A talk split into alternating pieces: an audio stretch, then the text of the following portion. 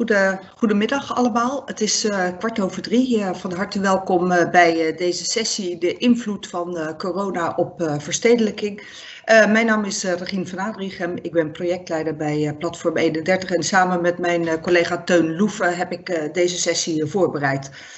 Um, nou, eigenlijk het meest uh, exemplarische voor deze sessie is wel dat wij uh, allemaal op dit moment, uh, tenminste voor het grootste deel, thuis zitten, achter onze keukentafel, achter ons bureau, in de woonkamer.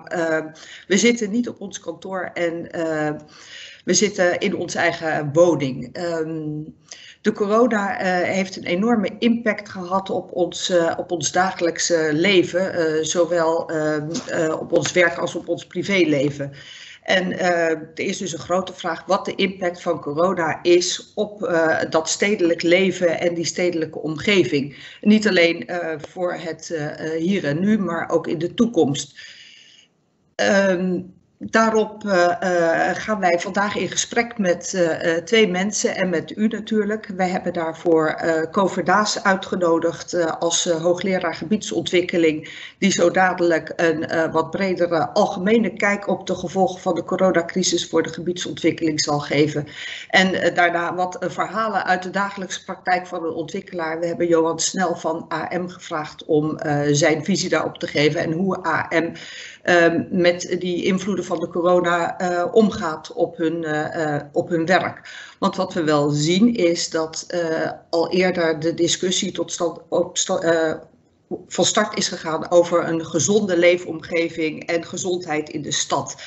Uh, hoe we anders gaan kijken naar de inrichting van de openbare ruimte in de stad, naar de verdichtingsvraagstukken, maar ook naar de verdeling van het wonen en werken over ons land heen.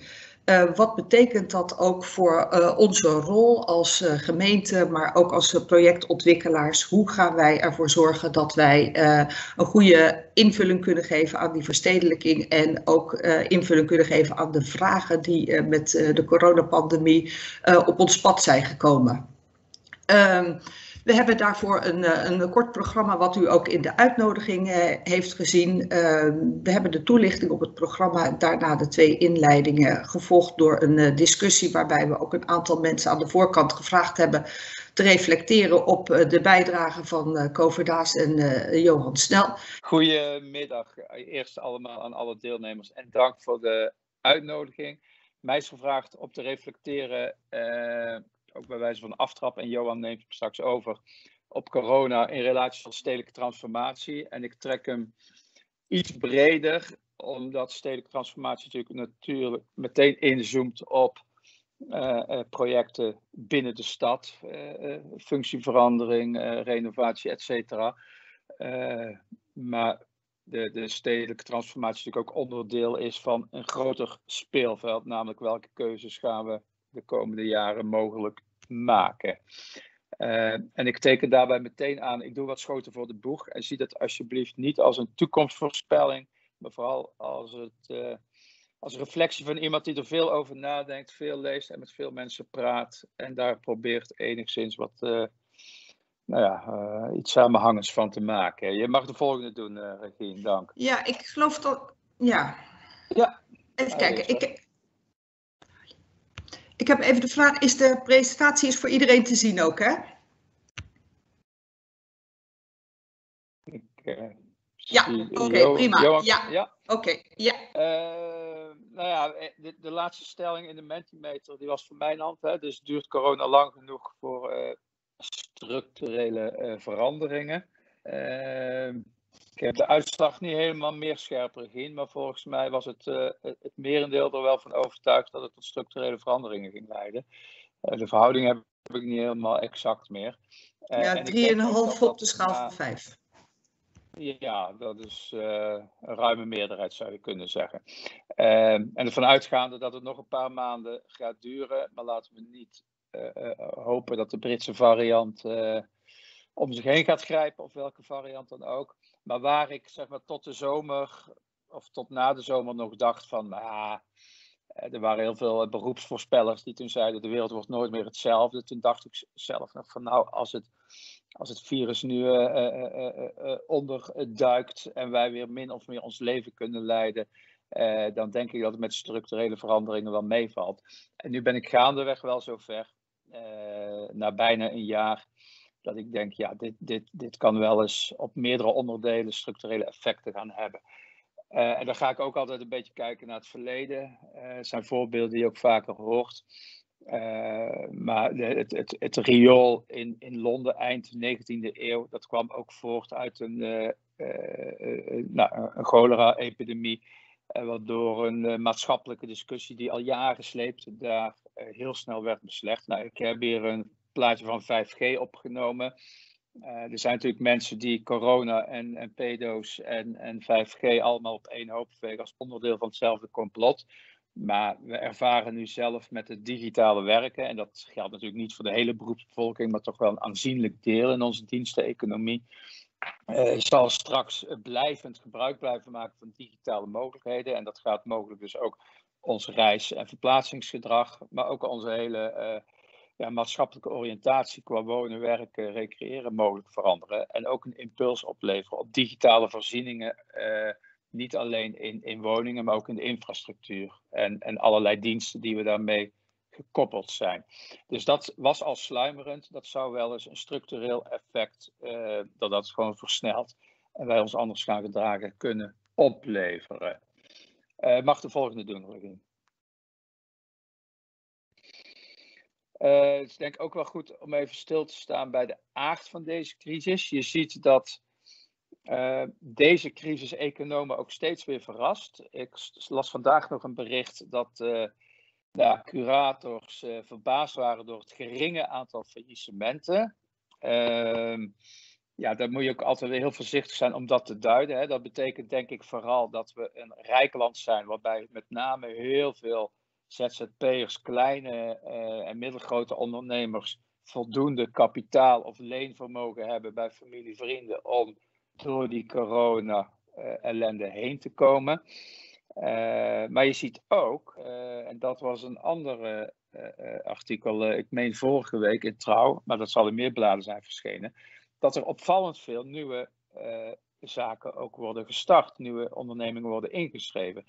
En dat laat zich ook verklaren uit uh, de aard van deze crisis. Het is geen crisis zoals in 2008, toen zat er echt lucht in het, in het systeem, uh, valse lucht zou je kunnen zeggen, waarbij uh, een keten van nou, verkeerde, slechte producten, die, die zeg maar heel veel lucht in de met name woningmarkt pompten. En toen dat toen die ballon leegliep, toen werd als het ware de hele economie daarin meegesleurd. En je zou ook kunnen zeggen, die crisis was min of meer onvermijdelijk en had ook nog wel een zekere nut.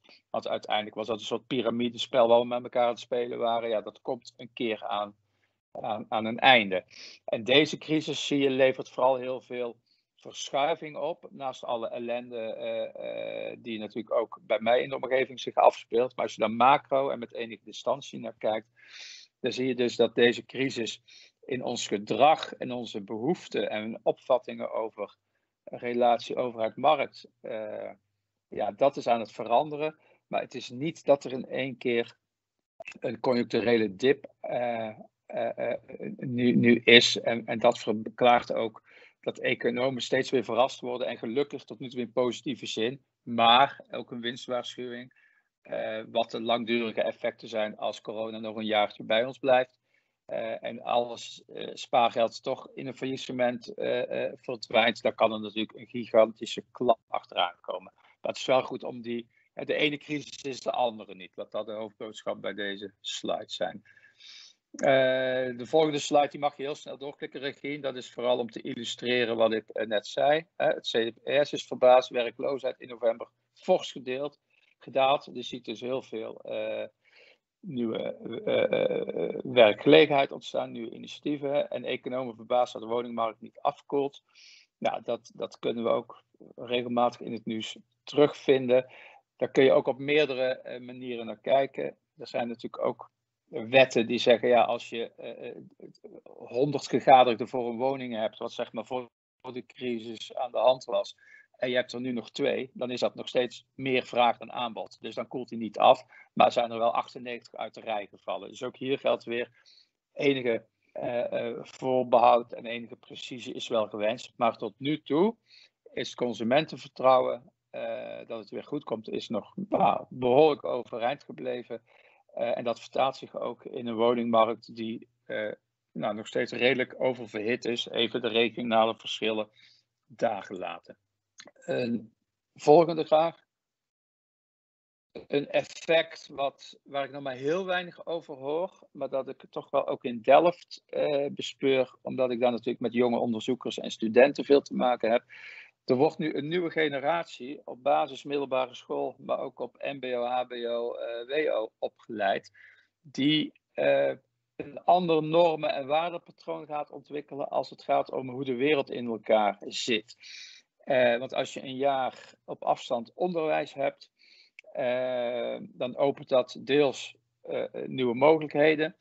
Dat zullen jullie misschien zelf ook allemaal ervaren als professional. En deels ga je dan ook andere zaken in het leven belangrijk vinden. Dat is ook wat ik heel nadrukkelijk merk.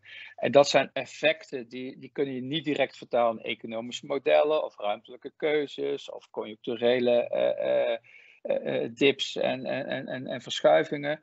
Maar er gaat een nieuwe generatie straks op de arbeidsmarkt komen die ook weer beslissingen gaat nemen en beslissingen gaat voorbereiden die anders naar de wereld kijkt. En dat is misschien nog wel het grootste effect van een jaar corona, uh, wat zich nog maar heel moeilijk natuurlijk laat uh, ja, verklaren, of nee, niet verklaren, maar vertalen moet ik zeggen, in wat dat dan precies gaat betekenen.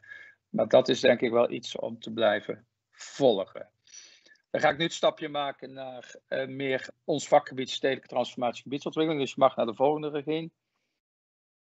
Uh, en in deze plaat probeer ik aan te geven, en dat is ook een beetje leentje bureau, dat uh, uiteindelijk de, de, de, de transitie, en dat, dat stedelijke transformatie in zichzelf al een transitie, natuurlijk ook in ons denken over stedelijke ontwikkeling, ruimtelijke inrichting en alle opgaven die we hebben, dat moet ook door een aantal lagen heen. Daarbovenop de middelen en instrumenten, de spelers en het spel. Nou, uh, dat is zeg maar de, de bovenlaag.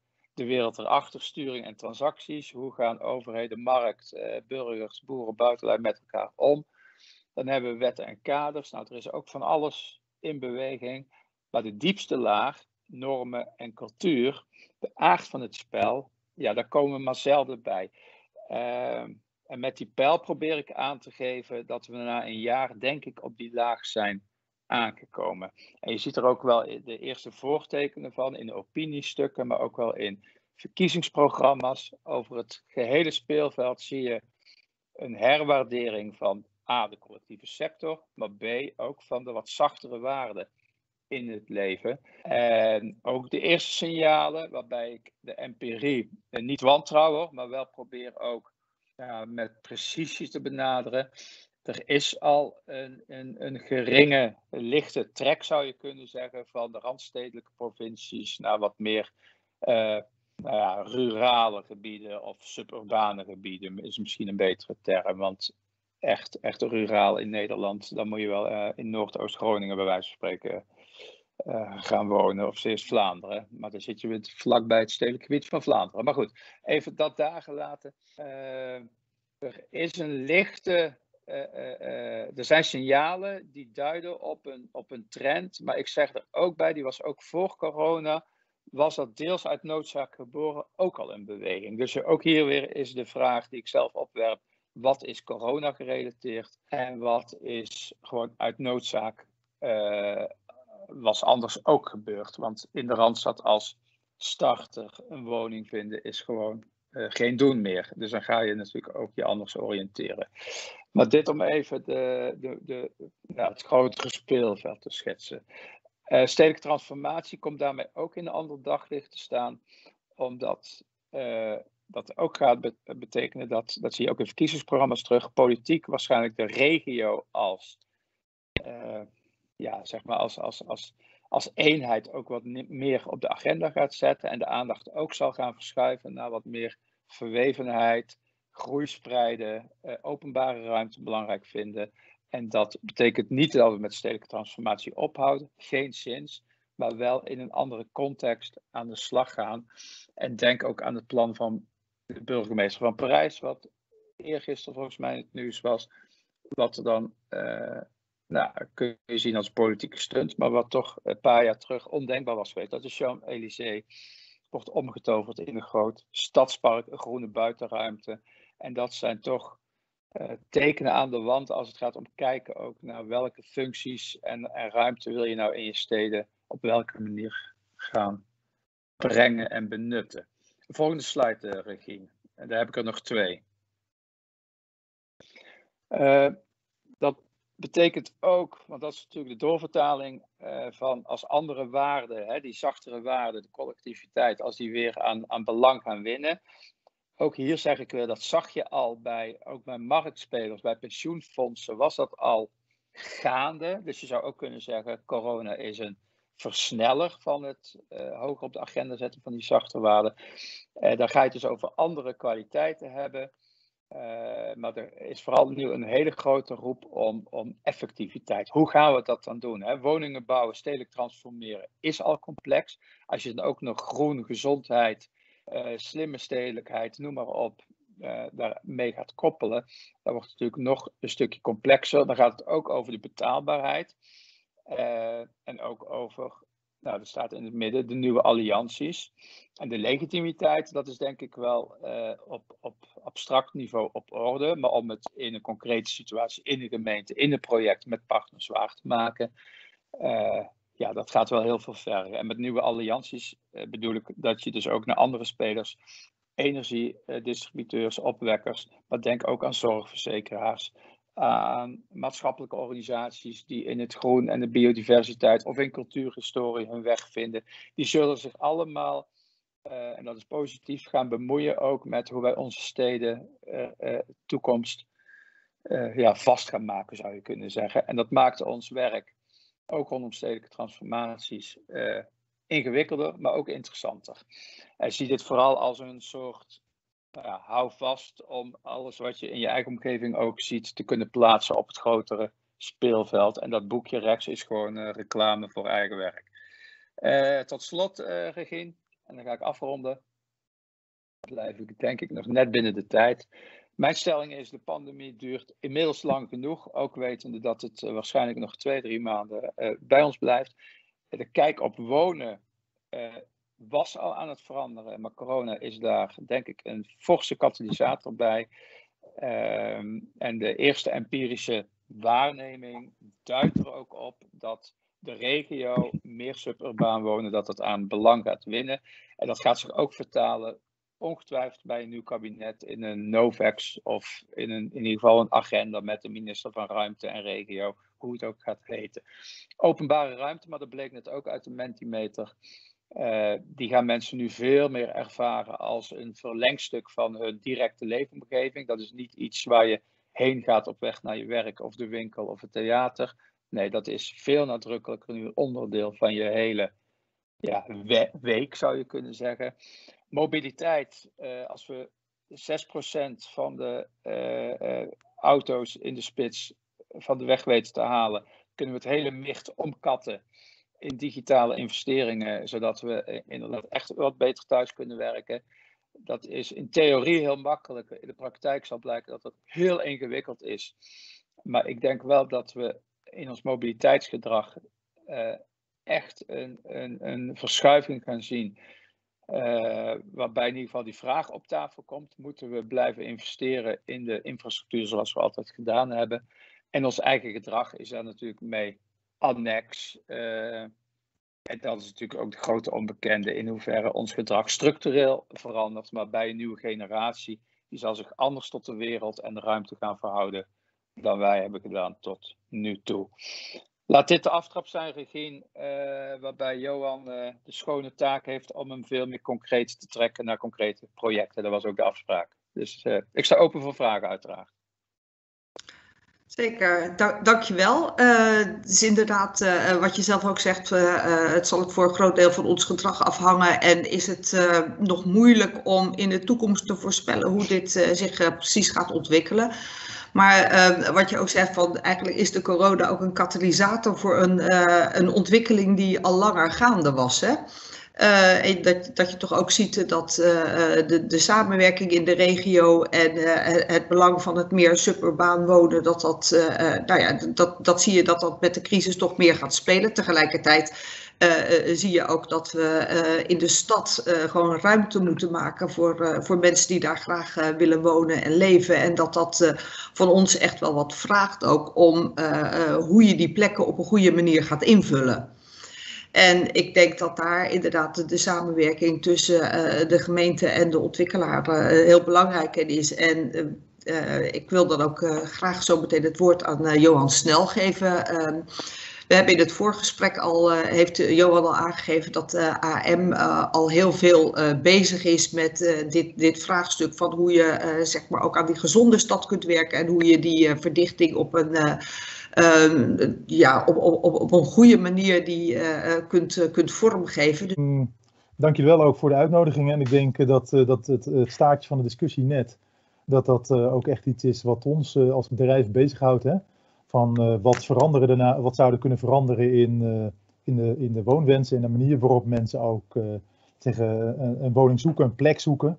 En wat ik vandaag tegen jullie zou willen vertellen, willen laten zien, is een aantal, is drie dingen een aantal trends of dingen waarvan wij dachten als bedrijf dat ze al langer liepen, ook buiten corona. Eigenlijk al sinds een aantal jaren zijn we eh, als bedrijf met een aantal dingen bezig, waarvan wij ook denken dat ze echt uh, van invloed gaan zijn op de manier waarop we gebiedontwikkeling bedrijven. En volgens wil ik dat ook eigenlijk een beetje koppelen aan wat wij nu in de markt zien de afgelopen jaar. En tot slot heel snel een project laten zien waar je dat ook heel concreet ziet. Het is echt die stap vanuit Co, de algemene overview, naar wat zien wij als bedrijf op projectniveau, waar je eigenlijk al die ambities en, uh, en vragen en wensen probeert om te zetten in iets wat ook echt tot een uh, concreet project uh, leidt. Nou, dat wilde ik doen. Als jullie vragen hebben, graag in de chat. Het lijkt me echt hartstikke leuk om van jullie te horen wat jullie, wat jullie herkennen en wat jullie ook misschien wel gewoon flauwekul vinden. Nou, een paar, paar dingen. Ko noemde me ook al even een miljoen woningen. Ja, dat houdt ons bedrijf, los van alle andere dingen die ook moeten, maar hield ons gewoon wel heel erg bezig. Ook als je nadenkt uh, uh, hoe lang wij, ik laat zo een project zien hè, in Amsterdam, een project van 1300 woningen. Uh, als je ziet hoe, hoe lang we daarmee bezig zijn in dat gebiedsontwikkeling binnenstedelijk, ja, is 10 miljoen. Ja, is er wel iets waarvan wij denken, ja, het is iets wat al een aantal jaren speelt. Hoe gaan wij met elkaar nou de focus en de energie organiseren dat we dat voor elkaar gaan krijgen? Nou, integraliteit, uh, dat zien we ook heel erg als een vraag die op ons afkomt. Het gaat over duurzaamheid, het gaat over groen in- en opgebouwen, gemengde programma's, andere uh, manieren van wonen, gezondheid. Nou, heel veel tegelijk. We zien ook dat dat heel snel wisselt. drie jaar geleden had niemand het bij spreken over deelautoconcepten. terwijl dat nu, je kan niet meer zonder binnenstedelijk. dus we zien een enorme acceleratie van nieuwe dingen dat, eh, dat, eh, dat vinden we interessante drijver en trend. Deze denk ik interessant eh, in relatie tot het eind van de discussie net. Wij zien eigenlijk heel internationaal ook heel veel, ehm, ja, ik noemde net zijn eigen woning, woonwens, eigen manier van een woning kopen. Maar we zien heel veel ander soort gezinnen. Dat rechter plaatje dat staat voor de 50 meest voorkomende gezinssamenstellingen in, of in Amerika dus weekendgezinnen, gezinnen soms eh, met één ouder, soms met drie ouders. Eh, nou, je kan zo gek niet bedenken of de samen, samenlevingsvormen ontstaan. En eh, ja, wat betekent dat voor de manier waarop we aan de stad werken en aan het ommeland? Nou, dat, dat houdt ons ook heel erg bezig. Links gaat het erg over service, woonservices. Wat kunnen we daarin aanbieden en hoe, hoe is dat van invloed? Nou, heel snel een aantal ontwikkelingen. Ja, robotisering, andere vormen van materialisatie. Ik denk idealiter zoeken we naar internet. Oh. Ging dat goed, jongens? Of, uh... Ik denk dat bij iemand even de luidspreker, uh, de, de, luidspreker aan stond. Nou, no, uh, maakt niet uit. Ja, ik, ik, ik, ik, zie jullie zelf ook even niet meer. Dus het is even een beetje. we gaan gewoon lekker verder. En dit hield ons, ehm, houdt ons heel erg bezig. En uh, ook over samenwerkingsvormen en ook richting corona en gezondheid en stadsontwikkeling.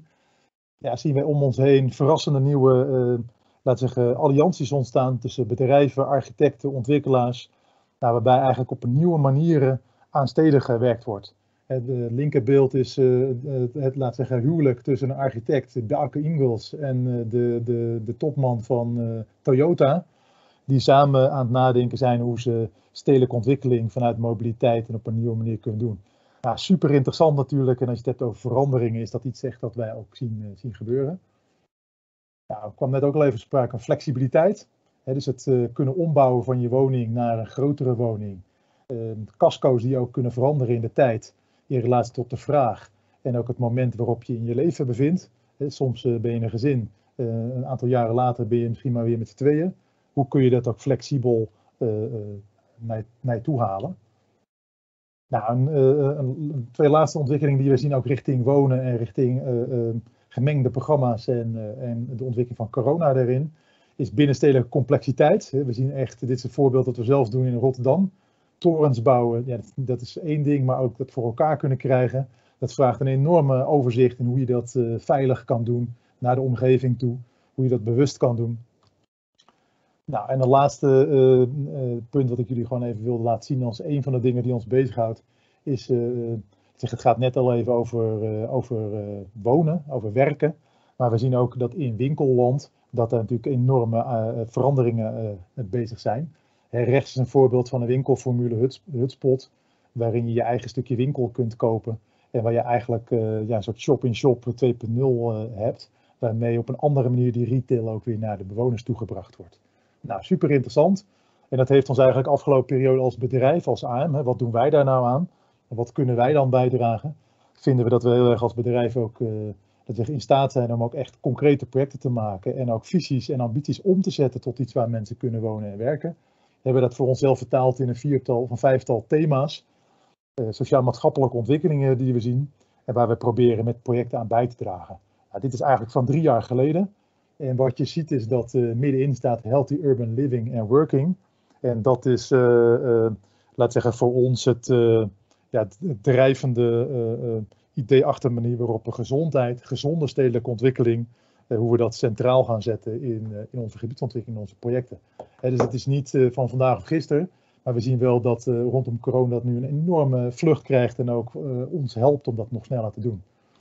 Nou, als je dan naar, naar, kijkt, de impact die, die corona heeft op gebiedsontwikkeling wat ons betreft en hoe wij dat zien, zit het ja, zit het ook voor mezelf heel erg in dit soort type beelden.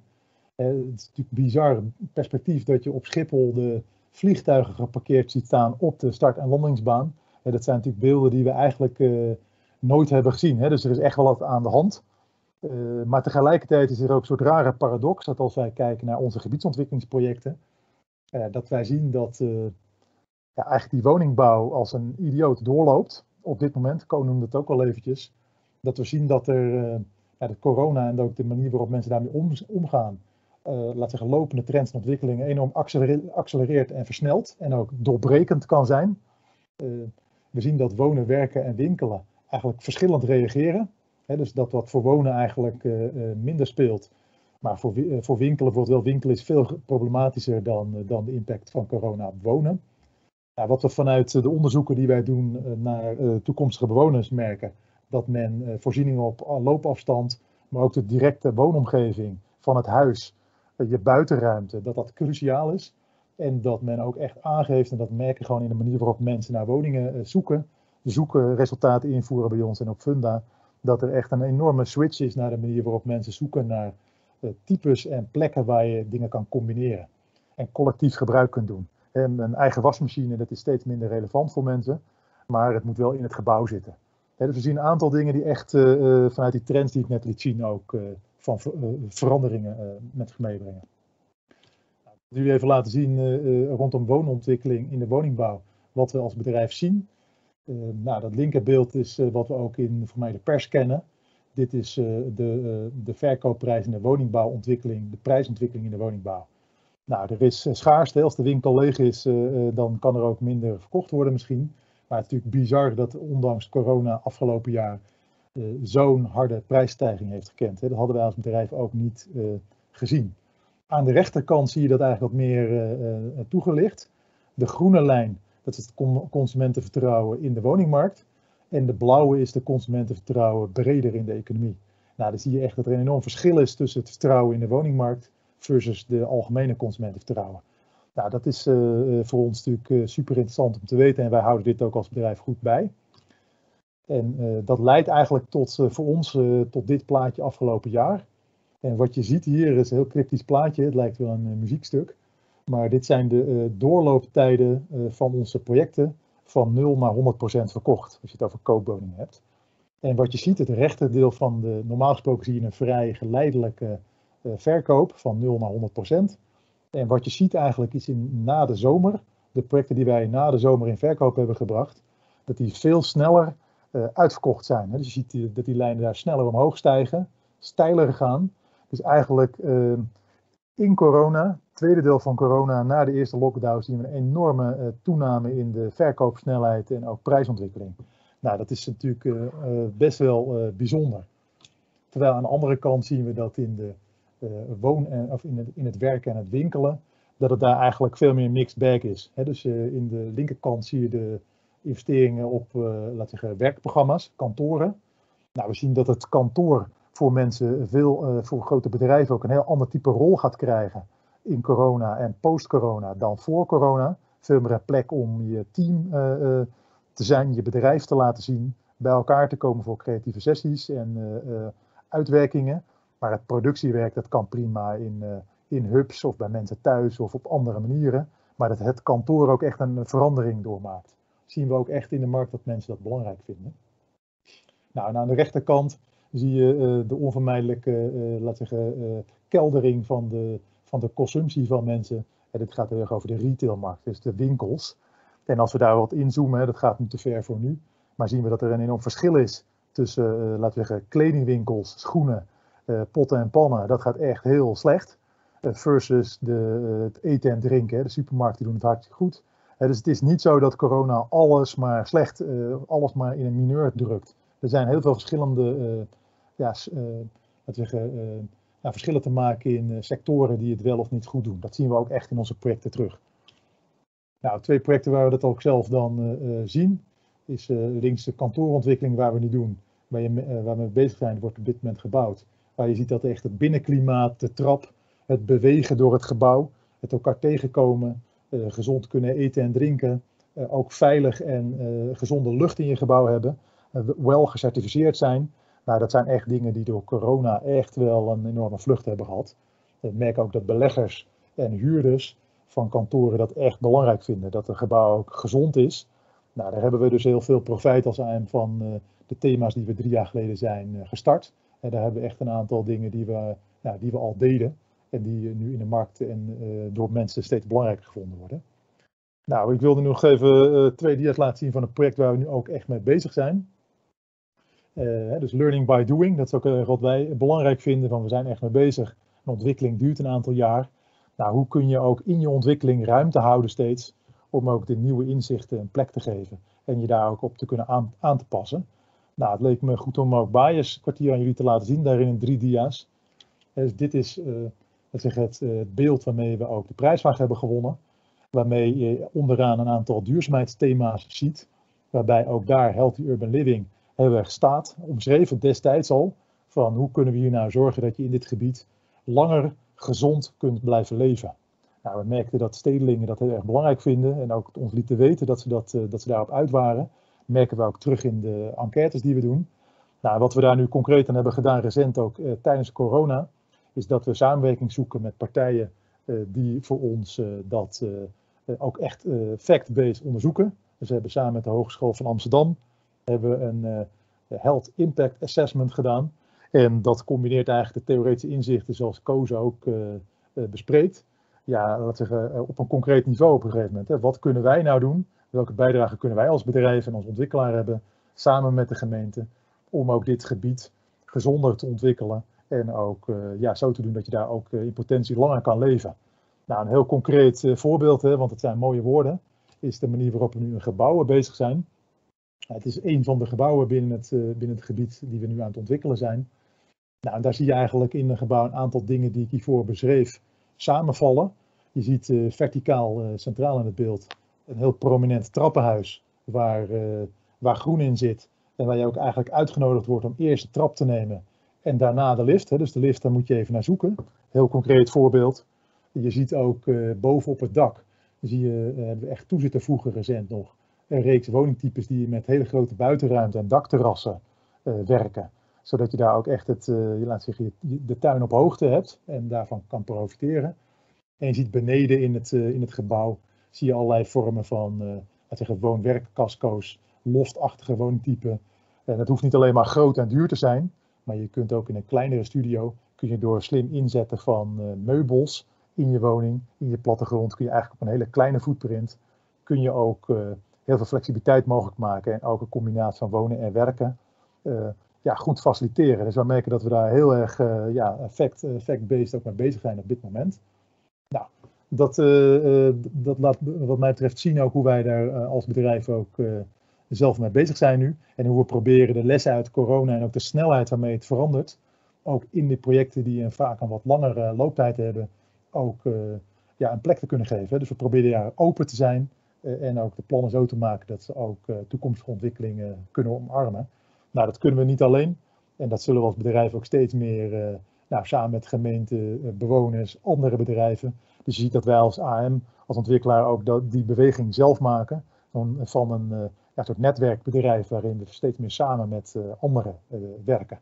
Nou, dat bracht me uiteindelijk naar, tot mijn stelling die we net ook hebben gezien. Nou, dat hield meneer Vol zelf bezig, ook in relatie tot de vorige crisis. Van ja, mooie woorden, mooie verhalen, maar hoe lang houden we dit nou nog vast als het zo weer terugvalt in een goede groef? Nou, dat weet ik zelf niet goed genoeg. Maar het is wel iets waarvan ik dacht, het zou mooi zijn. Ik ben ook benieuwd wat jullie daarvan vinden, de mensen die nu luisteren zien we dit net als de vorige crisis, als het alweer eh, opstoomt, ja, wat blijft er nog over van deze, van deze lessen? Nou, dit wilde ik tegen jullie aanhouden en ik ben erg benieuwd wat jullie ervan vonden en of er eh, vragen zijn. Riem, dit was mijn uh, verhaal. Ja, ja dankjewel uh, Johan. Um, ik heb in ieder geval één vraag voor jou in de, in de chat. En uh, die is um, naar aanleiding van een sheet die je had, dat je, die je liet zien over de retail. Van, dat het maar één van de onderdelen is van een passend voorzieningenconcept. dat dat natuurlijk veel, veel breder gaat. Ja, ja goede vraag Tony. Ja, ja. ja dat is een beetje wat ik in het begin in die trends ook noemde met blurring. Dus we zien, uh, ja, ook wel, dat heeft ook een relatie met bijvoorbeeld bestemmingsplannen. Uh, dat uh, we zien dat, ja, dat een winkel waar je ook je pakketje brengt, maar waar je ook kan werken en waar je ook de stoel waar je op zit kan kopen. Dus dat, we, dat het, de bestemmingsplancategorieën zoals we ze nu kennen, ja, dat dat ja, steeds meer fluïde wordt, hè, Tony? Dus ja, ik denk dat jij daar ook helemaal in thuis bent. Hè? Dus het gaat niet alleen over winkels of kantoor, maar dingen waar, dingen, eh, waar door elkaar heen lopen. Dus retail, horeca, dienstverlening, cultuur, ja, dat zien we steeds meer door elkaar heen lopen. En daar lopen wij nog wel eh, tegen allerlei minder sexy dingen aan, als uh, bestemmingsplannen, regelingen, maar ook uh, iets heel praktisch is, als je flexibel wil zijn, wat moet je nu al mee ontwerpen in je gebouw of in je ontwikkeling, zodat je later ook nog een plint kan omzetten in, laten we zeggen, een restaurant. dat klinkt heel saai allemaal, maar als je niet de juiste hoeveelheid verticale uh, ja, rookkanalen hebt of kabels leiding hebt aangelegd, dan kun je later, hè, dus een aantal dingen moet je echt in de hardware, moet je echt, uh, echt organiseren om flexibel te kunnen zijn. Ik hoop dat dat een antwoord is op jouw vraag, uh, Tony.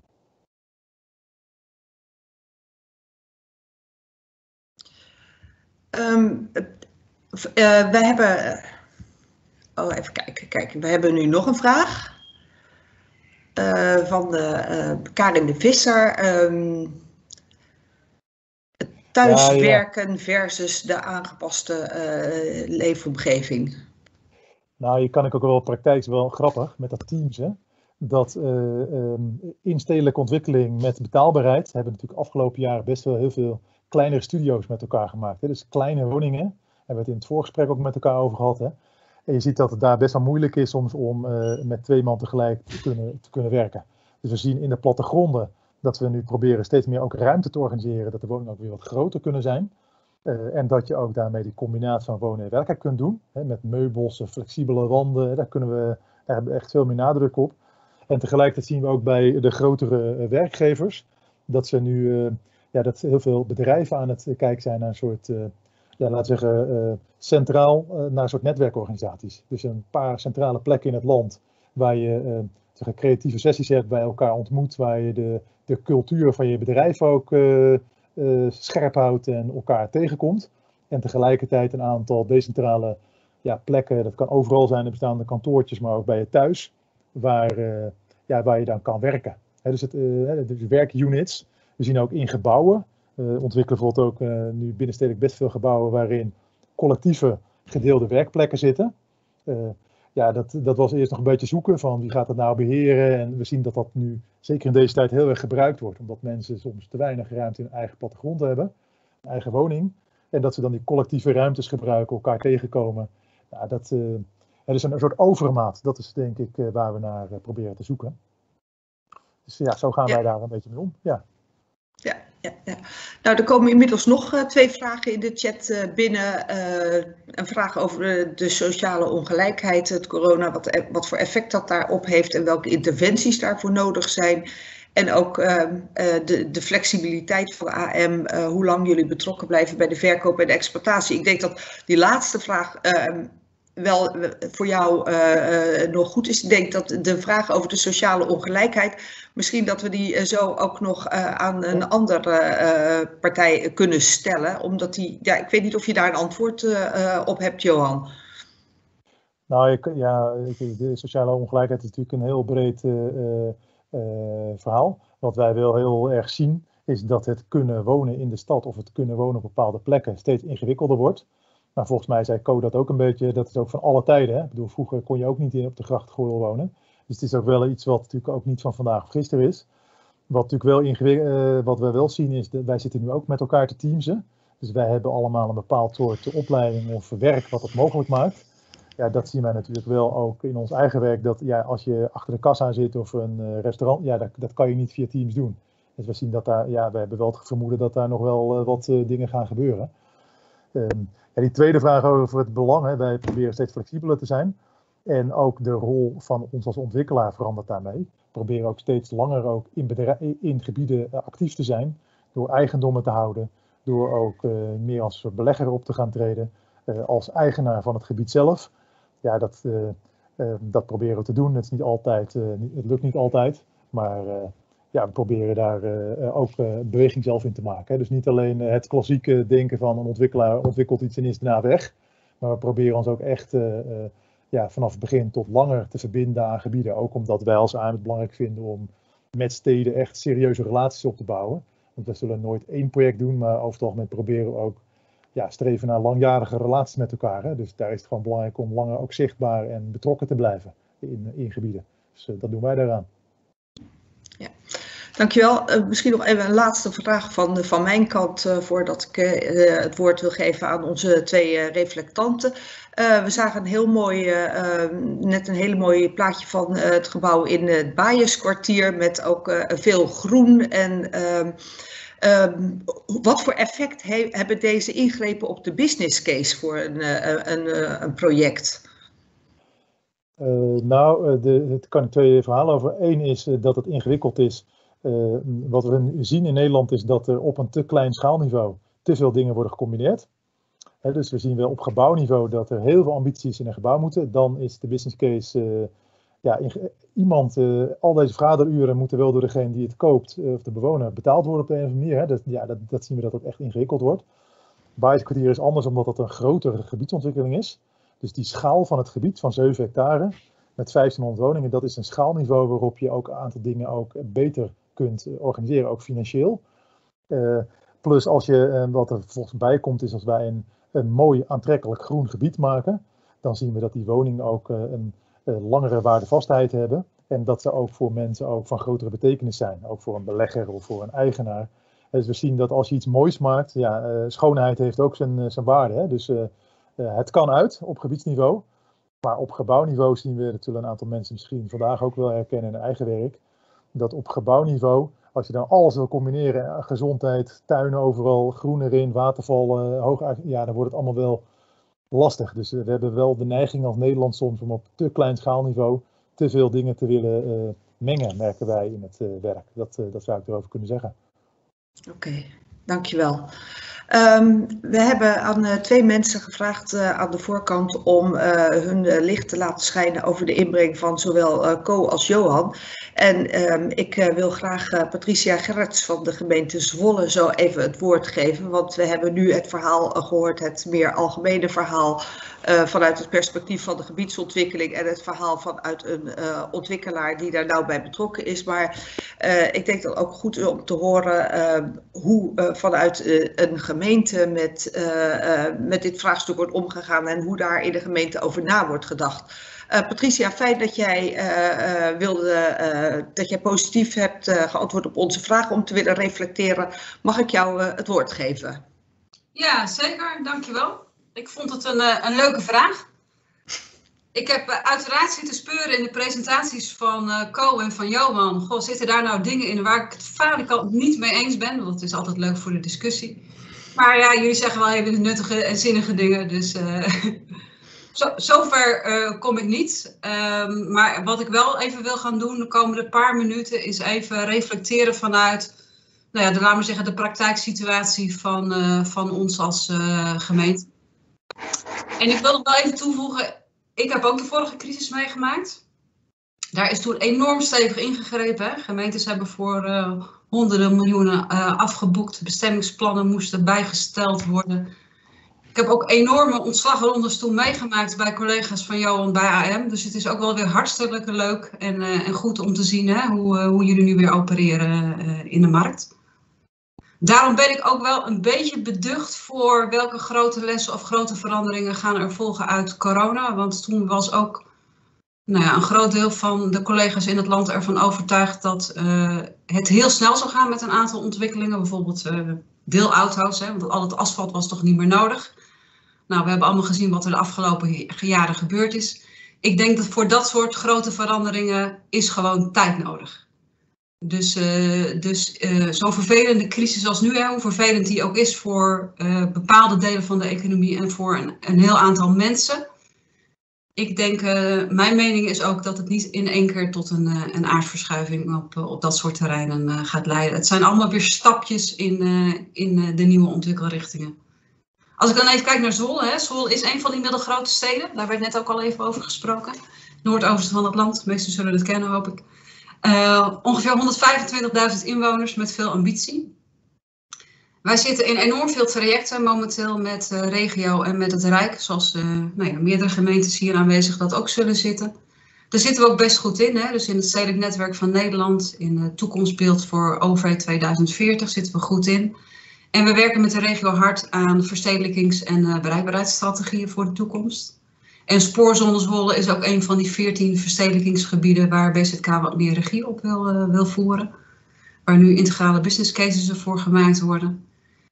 En als je dan de vraag stelt welke plek geven we dan corona in die strategieën, dan zie ik ook wel bij ons dat het vooral gaat over de bevestiging van die ingeslagen ontwikkelrichtingen. Als het gaat over slimme mobiliteitsoplossing, het geven van een plek aan gezondheid en geluk. Hè. Ik vind dat zelf wel heel erg mooi. Als ik nu een presentatie krijg van mijn collega's over de buitenruimte, dan gaat het niet meer over het onderhoudsniveau op 6, 7 of 8, maar dan gaat het over geluk in de buitenruimte en wat het kan bijdragen aan ons welzijn dus ik denk corona helpt, versterkt uh, uh, het doorgaan op die ingezette uh, wegen.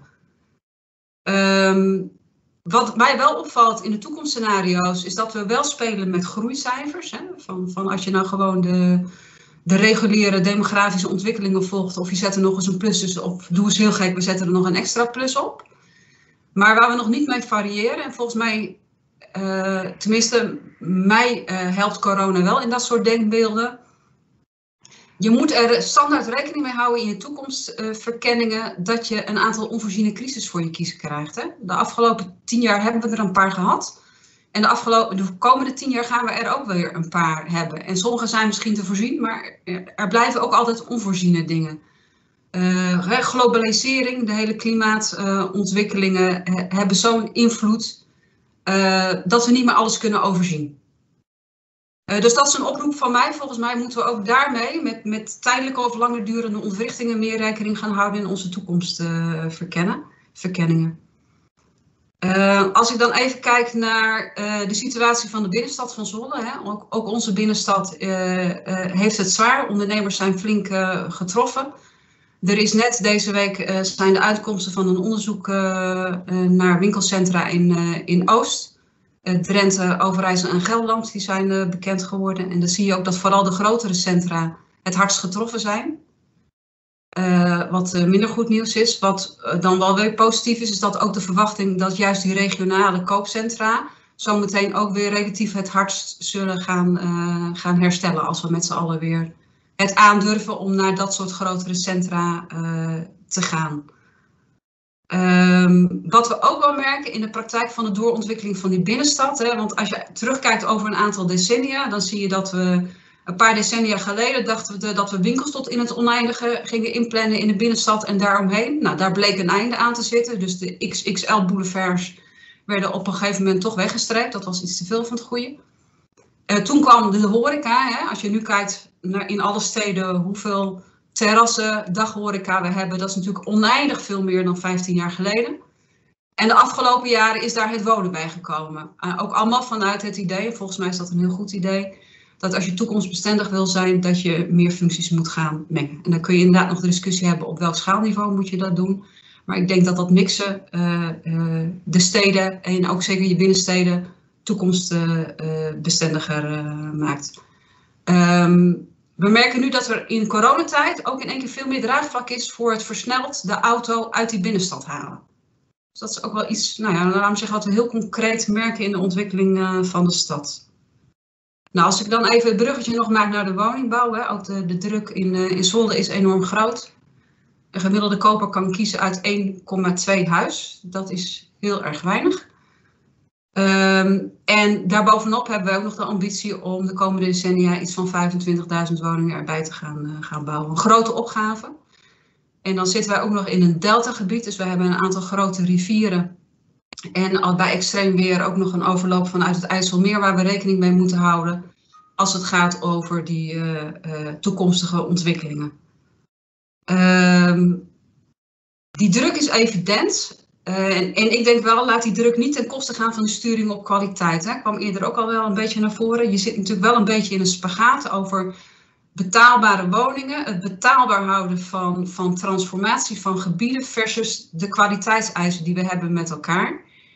En ik denk dat dat wel heel verstandig is om daar heel goed het gesprek en de discussie met elkaar over te blijven voeren. Want als we te veel gaan bezwijken onder alleen de druk en aantallen, dan zijn we denk ik voor de langere toekomst uh, minder verstandig uh, bezig. Nou, in Zolle proberen we dat natuurlijk op onze eigen manier ook te doen. Dus wij sturen al heel lang op een verhouding van goedkoop, middelduur, duur.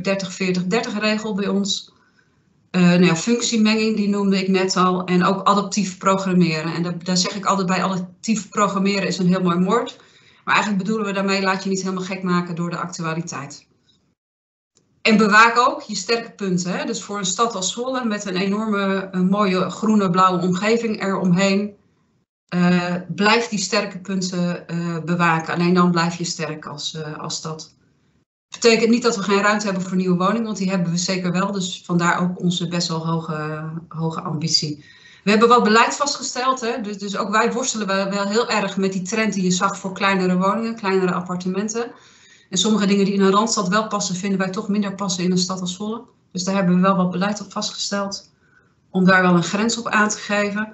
En wij hebben wel de goede traditie in Zwolle dat we heel goed met de woningmarkt samenwerken. Met ontwikkelaars, beleggers, eh, de banken, de makelaars die betrokken zijn. En wij maken daar sinds jaar en dag één keer in zoveel jaar altijd een pakket mee, een Zwols pakket. Uh, in de tijden van, de van die vorige crisis uh, ging het over hoe, hoe verdelen we samen de pijn. En in betere tijden, of als er aangejaagd moet worden, dan gaat het over hoe kunnen we gaan versnellen. Dus op dit moment maken wij ook samenwerkingsafspraken. Hè. Dat zijn soms dingen die kun je eigenlijk niet echt laten we zeggen, als gemeente alleen uh, dwingend gaan opleggen, maar in overeenstemming met elkaar kan dat wel. Uh, en uh, dat is ook iets waar we heel erg, erg blij mee zijn dat we op die manier, we hebben ook discussies genoeg hoor, dat is ook evident. Maar we hebben ook echt wel een hele goede basis aan samenwerken met elkaar. Nou, misschien nog even samenvattend. Ik denk echt dat risico's om te managen zijn dat we onder de grote druk die er nu is, weer te veel gaan naar monofunctionele buurten. dat we te intensief ook gaan, hè, dus intensiveren om de kosten laag te houden, snap ik, maar er zit een grens aan. Uh, zeker als we die waarden zoals gezondheid en, en geluk uh, uh, heel belangrijk willen laten blijven. En de afgelopen tijd is net ook al wel wat over gezegd. Merken we ook dat echt die extra werkkamer en de beschikbaarheid van een stuk buitenruimte echt het verschil maakt in huishoudens. Of je het een beetje leuk met elkaar houdt in tijden als deze of dat dat niet lukt. Nou, als afsluiting heb ik nog een leestip. Station 11 van Emily St. John Mandel. Een boek uit 2014. Gaat over een soortgelijke crisis als deze, maar met een virus die nog veel dodelijker is en echt alles ontwricht.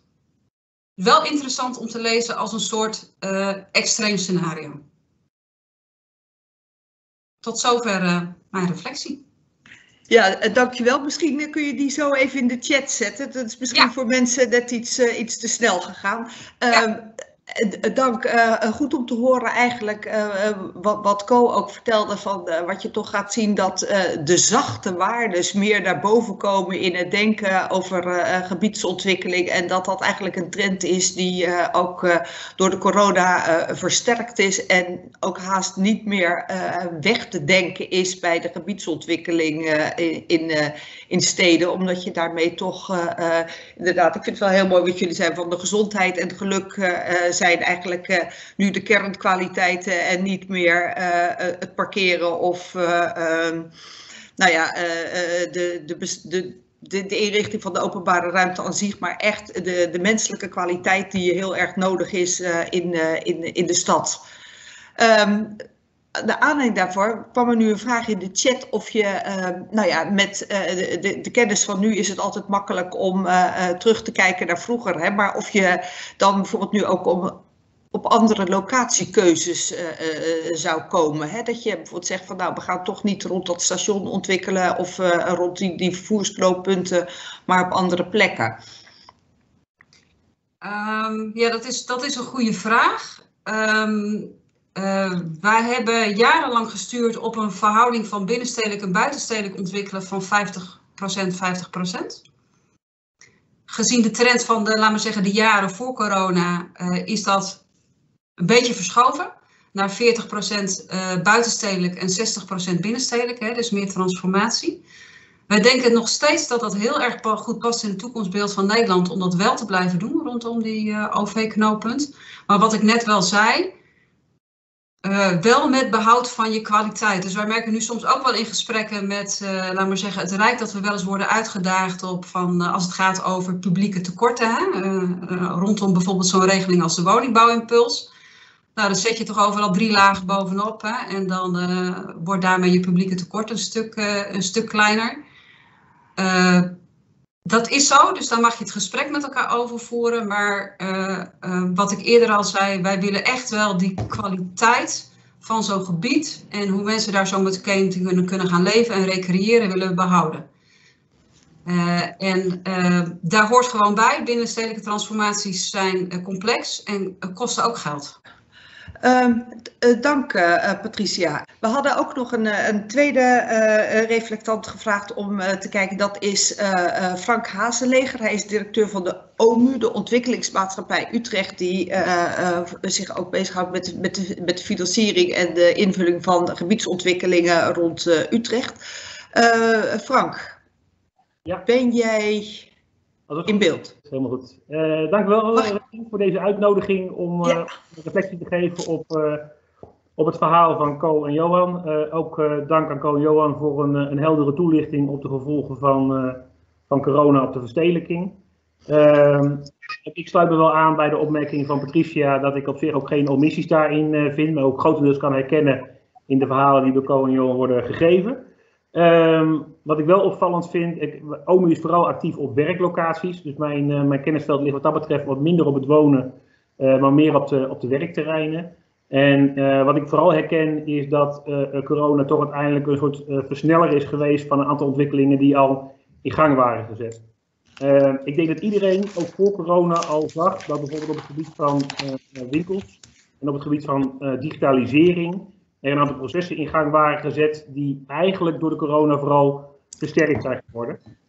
iedereen voorzag dat het e-commerce uiteindelijk zou leiden tot minder benodigde winkelvierkante meters. En ook dat de digitalisering en het thuiswerken zeker wel een, een, een, loop met zich zou nemen. Ik heb wel het gevoel dat corona daar op een aantal vlakken zeker een versnelling heeft aangebracht.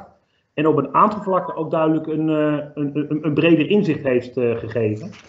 Um, eens op de korte termijn, wat wij vooral zien op bedrijventerreinen bijvoorbeeld, is dat het effect van corona enorm afhankelijk is van de type branche waarin bedrijventerreinen actief zijn. Um, als je bedrijventerreinen hebt die, en dat zal niet verbazen, uh, vooral geworteld zijn in de horeca en de evenementenbranche, is de problematiek natuurlijk aanzienlijk groter als dat je een bedrijventerrein hebt die actief is in het uh, produceren van vaccins of het produceren van mondkapjes. Dus de effecten die je ziet van corona op de korte termijn uh, variëren heel sterk per type uh, uh, locatie. Maar voor de langere termijn vind ik het opvallend dat vooral die trajecten die we al zagen op een aantal vlakken ook hebben geleid tot meer inzicht die we wellicht, wellicht voor de corona nog niet hadden verwacht. En met name het, bijvoorbeeld het thuiswerken. De effecten die je nu ziet, ik geloof dat Johan ook al zei van vroeger bouwden we relatief kleinere eenheden uh, en nu zie je toch de behoefte ontstaan naar uh, uh, meer ruimte om thuis te kunnen werken, ook met meerdere mensen tegelijk thuis te kunnen werken. Dat is wel iets, denk ik, wat nu echt een gevolg is, waardoor we sneller inzicht hebben gekregen in dat effect. En ik ben, um, nou ja, laat zeggen, nee, corona heeft heel veel negatieve elementen. Maar ik denk dat het zich inzicht krijgen in dat soort ontwikkelingen best hebben bijgedragen aan eerder zicht op hoe wij de toekomstige woningbouw daar beter op kunnen aansluiten. En uh, zo zie je bijvoorbeeld ook het effect op de mobiliteit. Ik bedoel, het feit dat we de afgelopen maanden totaal geen files hebben gehad, uh, toont aan dat met een kleine inspanning, maar meer, maar thuiswerken, je al enorm effect hebt op de mobiliteit uh, op de weg. En een laatste die ik wel heel erg kenmerkend vind, is als ik zie hoe de afgelopen weekenden de, de, de bossen en parken rondom de steden op dit moment overbezet worden door het benutten van die ruimte dat toont wel aan dat ik denk ik niet voorzien had dat mensen dat van tevoren hadden zien aankomen. Dat met het meer thuiswerken en ook die eh, consequentie van corona daar nu een enorme druk op is komen staan. En wat de waarde van die natuurterreinen zijn, uh, dat hadden we waarschijnlijk van tevoren nooit zien aankomen als corona niet had uh, plaatsgevonden. Dus ik, samenvattend, ik, ik sluit me heel erg aan bij de, bij de geschetste trends die door Co en Johan zijn, zijn aangegeven. Uh, uh, zeker voor de, uh, een aantal ontwikkelingen die al in gang waren gezet. Maar ik denk dat het effect van corona vooral is geweest dat dat versneld is gegaan. En op een aantal vlakken, bijvoorbeeld ten aanzien van het thuiswerken, zeker nieuwe inzichten heeft gegeven die we wellicht door corona pas op langere termijn hadden kenbaar gemaakt. Dus dat was mijn, mijn belangrijke terugblik op het verhaal van, van beiden. Mooi. Ja. Ah, dankjewel. Ik denk dat dat inderdaad uh, heel herkenbare, uh, een heel herkenbare terugblik is die ook in alle bijdragen naar voren is, is gekomen. Um, als je kijkt nou naar de mobiliteit, hè, uh, wordt er nog een opmerking gemaakt dat uh, met name ook vanwege die corona mensen toch bijvoorbeeld liever de auto pakken dan de trein. Dus dat er ook wel weer anders tegen openbaar vervoer aangekeken wordt. Hè. Dus de vraag is ook of dat, of dat een, een blijvend ehm, iets zal zijn of dat dat toch weer op het moment dat wij allemaal gevaccineerd zijn zal veranderen mee eens. Ik, ik, ik, denk zelfs ook dat het effect dat, uh, omdat het minder druk op de weg is, ook mensen sneller de auto pakken. Dus los van het feit dat men liever veilig, uh, veilig uh, zelf in een eigen vervoermiddel zit, zie je ook dat het effect dat je met de auto, als je inderdaad geen files hebt en je bent daarmee substantieel sneller op je werklocatie, omdat je bijvoorbeeld buiten de spits kan rijden, dat dat ook bijdraagt aan het sneller pakken van de auto. Uh, en ik kan me weer voorstellen dat als dat weer drukker wordt, dat dat weer het effect krijgt dat er weer een verschuiving kan plaatsvinden. Maar zo zie je maar dat beide, uh, beide elkaar kunnen versterken of afslaan. Precies. Ja. Ja, precies. Nou, er merkt inderdaad iemand op 50% minder gebruik van het OV. En dat zal natuurlijk voor het groot gedeelte zo zijn, omdat wij veel meer thuiswerken. En het andere gedeelte toch mensen die zich minder veilig voelen in het OV op dit moment. Dus dat zal inderdaad de, de tijd moeten leren. En ook voor wat voor gevolgen dat heeft voor je, voor je gebiedstransformaties. Dus dat, dat, gaan wij, dat, dat gaan we meemaken met z'n allen. En ik denk dat wij hiermee deze sessie kunnen afsluiten. Ik wil de inleiders en de reflectanten heel erg bedanken voor de inbreng. zoals gewoonlijk maken we van deze bijeenkomsten maken we een verslag en wordt dit ook op, op onze website opgenomen. Dus ik zal u daar een berichtje over sturen op het moment dat het beschikbaar is. En dan is het altijd nog de gelegenheid om het even terug te kijken. Ehm, heel erg bedankt. Uh, op 11 eh, februari hebben wij ons uh, jaarcongres met ook een aantal hele interessante sessies. Dus als u zich daar nog niet voor aangemeld hebt, kijk even op onze website en misschien zien wij u dan weer of op een van de andere bijeenkomsten van het programma Stedelijke Transformatie. Heel erg bedankt en graag tot de volgende keer.